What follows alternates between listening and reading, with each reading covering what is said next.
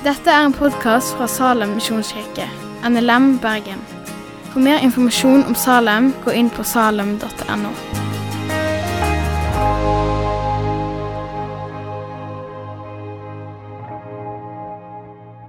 Er det noen her som er glad i bakstverk? Kaker, boller. Ah, det er nydelig. Nå føler vi som hjemme. Eh, du kan ta neste bilde. Dette er jo ei skolebolle. Eh, min familie vi er en, eh, en klassisk sånn bakstverkfamilie. Min morfar var baker, drev et bakeri. Alle var med i bakeriet. Lag, de lagde boller, skoleboller, berlinerboller, marsipankaker. Og alle godhetene som fins i Guds skaperverk gjennom det som kalles for korn og mjøl. Min onkel er baker, min mor er hobbybaker. Alle trodde at jeg kom til å bli den nye bakeren når de så på hvilke anlegg jeg hadde til å legge på meg. De tok feil, dessverre. Det kan være jeg kommer til å bli baker senere i livet. Min nye kone, Birgitte Jeg har kun hatt én kone, men, jeg, men hun, har tatt over den nye, eh, tatt videre det der med å bake. da. Apropos baking. Si hvis jeg kommer med ei kake. Allerede der må jeg stoppe. Tenker du som kjenner meg det kunne aldri skjedd at jeg hadde kommet med ei kake. Så dette er en fiktiv historie. Jeg kommer med ei kake. Det kunne aldri skjedd i virkeligheten, men en fiktiv historie. Jeg kommer med ei kake til min familie. Alle i familien er jo, eh, det er jo bakerfamilien, så de, de, kan ei kake. Så når jeg kommer med denne marsipankaka, så ser de at det er marsipankake. De ser eh, det vakre ja, Det er ting utenfor som ikke jeg vet hva heter, men som heter sikkert noe fancy. Og så ser de kanskje at eh, de tror kanskje at jeg har lagd kaka, så jeg kommer med den. Det ville jo selvfølgelig aldri vært sant, men de tror det. Og så, eh, Hvis de åpner kaka, så ser de litt mer av hva som er i kaka. Og det er det de får inntrykk av. De finner ikke ut av eh, hvem som har lagd kaka sånn egentlig, og de finner ikke ut av hvorfor denne kaka er lagd. Så tar jeg med meg kaka inn fra min eh, familie, som er veldig eh, flinke til å lage kaker, til en forsker. Og så spør jeg han hva han finner ut av. Han finner ut av hva han er lagd av. Han finner ut av kanskje når han er lagt. Eh, så han kan litt mer enn min bakerfamilie, som har eh, generasjoner med, med, baking bak seg. Men han òg sliter med å finne ut av hvem er det som egentlig har lagd denne kaka. Og så sliter han òg med å finne ut av hvorfor denne kaka egentlig er lagd, uten at kaker er digg. Rett og slett.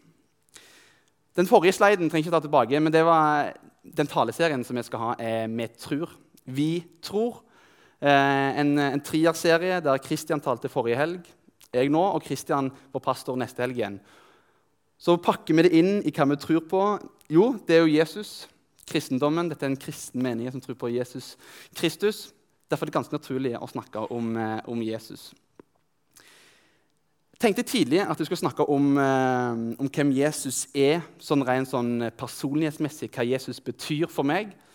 Og Det kunne dere snakket ganske mye om, men eh, bestillingen og, og, og, tanken var å snakke om hvem Jesus var sånn rent sånn historisk. Og så komme tilbake igjen hva det kan bety for oss, og hva stilling vi har til det. Så det blir litt av eh, vinklingen.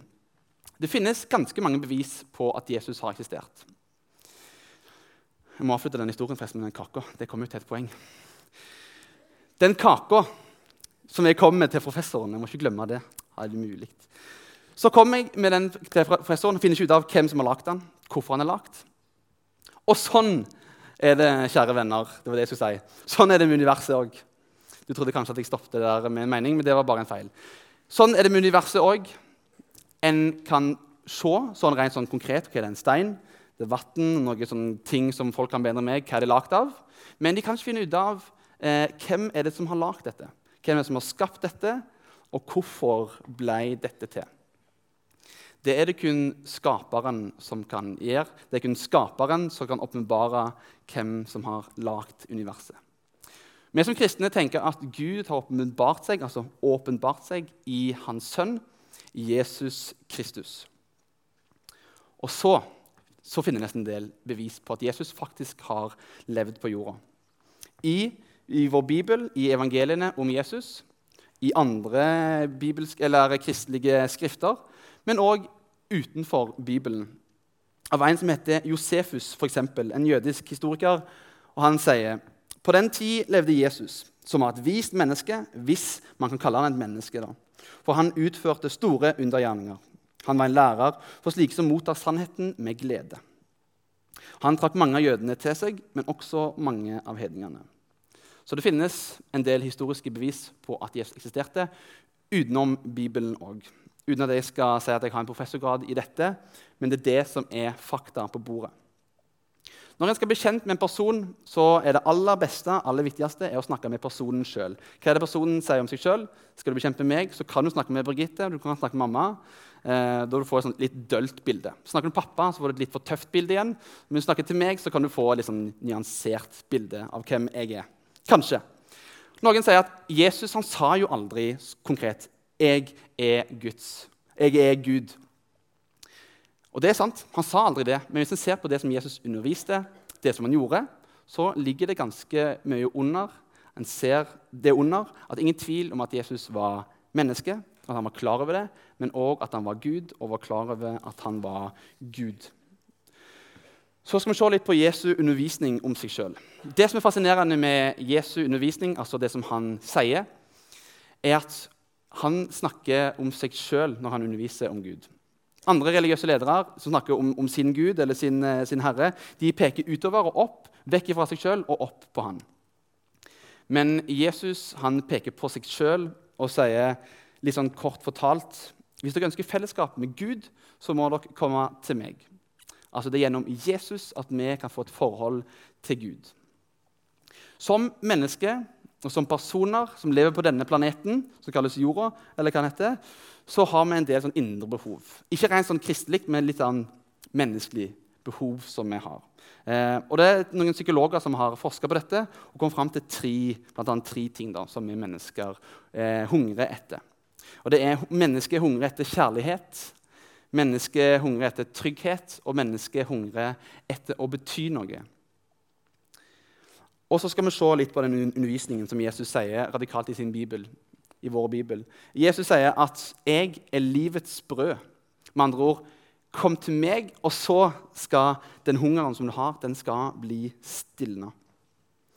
Mange mennesker vandrer i mørket. De eh, sliter med depresjoner. Og Jesus sier at 'jeg er verdens lys'. Den som følger meg, skal ikke vandre i mørket, men ha livets lys. Mange er redd for å dø. Jesus sier Jeg tror jeg sa litt fort der, for så vidt. Der står det. Jeg er oppstandelsen og livet. Den som tror på meg, skal leve om han enn dør. Og hver den som lever og tror på meg, skal aldri i evigheten dø. Jesus sier at han er Guds sønn. Han har noen direkte krav på at han er Guds sønn, at han er Gud, og så har han noen indirekte krav på at han er Guds sønn. Indirekte ting, altså Du kan se det gjennom fingrene at hva han mener. Jesus treffer en lam person i Bibelen, f.eks. i Markus evangeliet. Og så sier han til den lamme personen, lamme mannen, Sønn, dine synder er tilgitt. Dine synder er tilgitt. Reaksjonene fra de religiøse lederne var hvordan i all verden kan han si dette? Han spotter Gud. For hvem andre kan tilgi synder enn én, nemlig Gud? Jesus sa at han skulle avgjøre hva som skjer med hver enkelt av oss ved tidens ende, med dommens dag. Han skal ikke bare være dommeren som dømmer oss, men han skal også være med å sette kriteriene for hva dommen blir. For hva som skjer med oss på dommens dag, det avhenger av hvordan vi responderer på Jesus i dette livet her og nå. Se for deg at du ser en mann i, på Torgallmenningen står med megafon, og så står han og roper på dommens dag skal dere komme fram for meg, og jeg skal avgjøre deres endelige skjebne. Hvordan dommen blir, avhenger av hvordan dere har behandla meg og mine etterfølgere. Crazy, absurd person som står der nede og som roper ut noe sånt som det der. Det ville aldri ha skjedd i dagens samfunn. Et eksempel på at Jesus ikke direkte, men indirekte hevder å være Gud.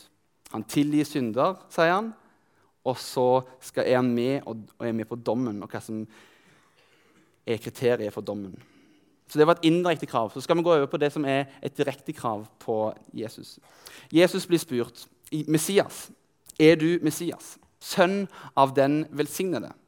Så sier Jesus, ja, jeg er det. Helt direkte. Og da skal se menneskesønnen sitte ved kraftens høyre hånd og komme med himmelens skyer. Da flerra øverstepresten kappen sin og sa, 'Hva skal jeg nå med vitner?' Dere har jo sjøl hørt gudsbespottelsen. Jeg ser med at Jesus som blir dømt døden fordi han hevda å være noe. Og gir krav på å være Gud i en jødisk kultur, det var noe som fortjente dødsstraff. En av disiplene til Jesus, Thomas, Thomas Stiland, som noen kaller han for, han kneler ned for Jesus, og så roper han 'Min Herre' og 'min Gud'. Helt konkret så sier han at Jesus er hans Gud. Og Da kan Jesus ta og reagere på det og si at 'Nei, men jeg er ikke Gud, Thomas'. Jeg er bare et menneske, eller jeg er en profet. Men han sier ikke det. Jesus sier, 'Fordi du har sett meg, Thomas, så tror du'.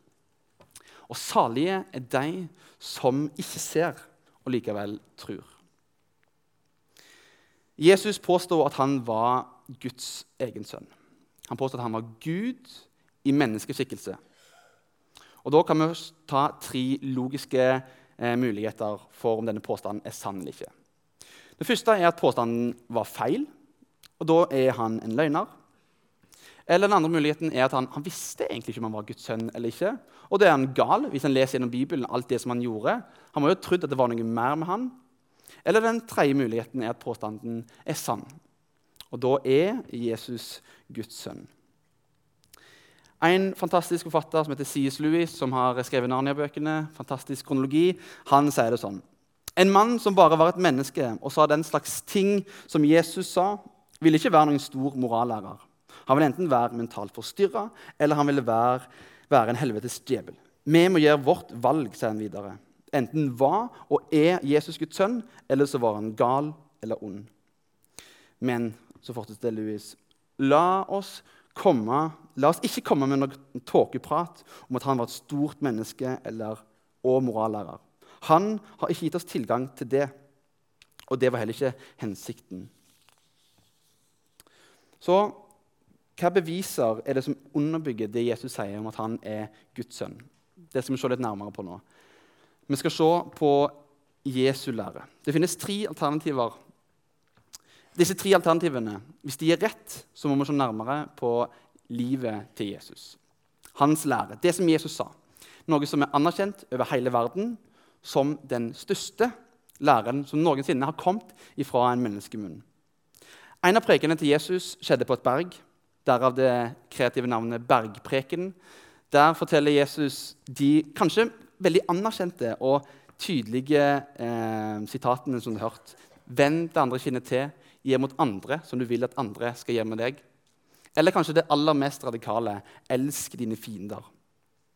Mange av lovene som vi har i Vesten og som vi har i Norge, enten bygger eller springer ut ifra den læren som Jesus kom med. Nestekjærlighet og elsk dine fiender osv. I dag, i 2019, så gjør vi større framskritt enn noensinne. Vi reiser fortere, vi reiser lenger enn noen gang. Vi, kan, vi lærer enda flere ting. Men etikken som Jesus kommer med, den har ikke blitt forbedra, sånn som alt mulig annet. Den står fast. En professor, en eh, teologisk professor sa følgende om Jesu lære. At den er mer lest, mer sitert, mer elska, mer trodd og mer oversatt fordi det er den største læren som noensinne er blitt uttalt. Vi kan ikke bare se på det som Jesus sa. For en kan si mye, men hvordan ser det egentlig ut når en gjør en ting? Det gjelder for oss, oss mennesker òg. Vi kan si en ting, men eh, det er ikke troverdig før en ser at det blir utført. Jesus sier at miraklene som han gjorde, det er med å bevise at far er i meg, og jeg er i far, sier Jesus. Noen sier at kristendommen er en kjedelig religion. Det trodde jeg òg som 20-åring. Eh, og så leser han Bibelen, så leser han om Jesus.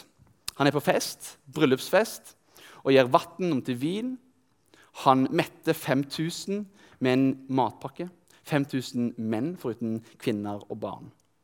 Og Det hendte òg at han vekte noen døde opp til livet. Og Likevel så er det ikke gjerningene som kanskje er det mest imponerende med Jesus. Men det er kjærligheten. Og da kanskje kjærligheten til de som ingen andre vil vise kjærlighet til. De som er undertrykt, de som er spedalske, de prostituerte. Det ser ut som dette er drivkraften til Jesus. Og Mest av alt så kommer denne kjærligheten til Jesus fram til syne når han gir sitt liv for sine venner. Det som vi feirer påske med i dag.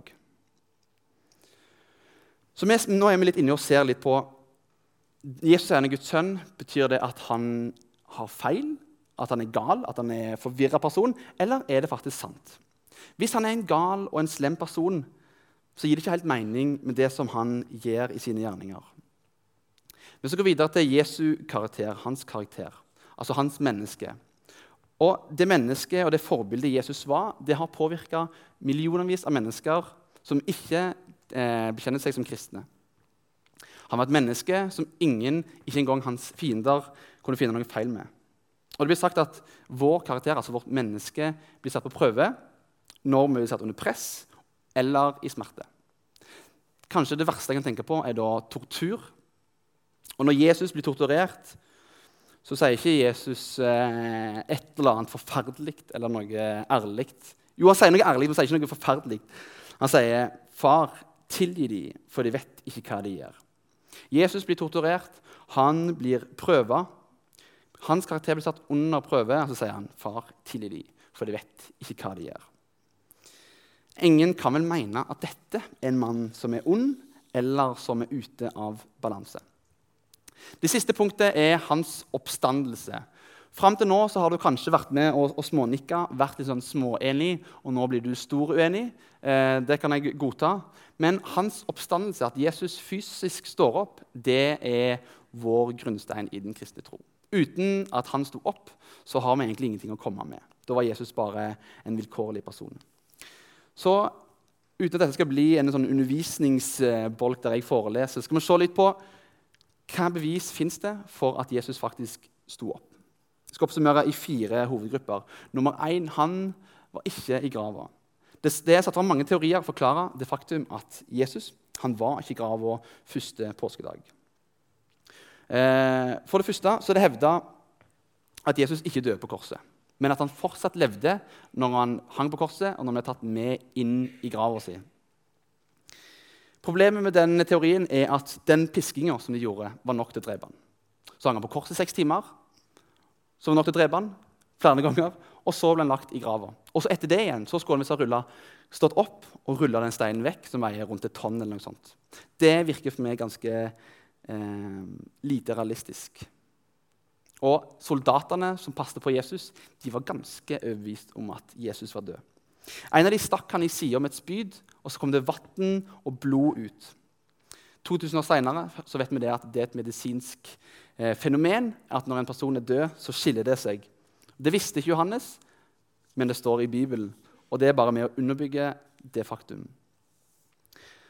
Og Jesus viste seg for disiplene sine.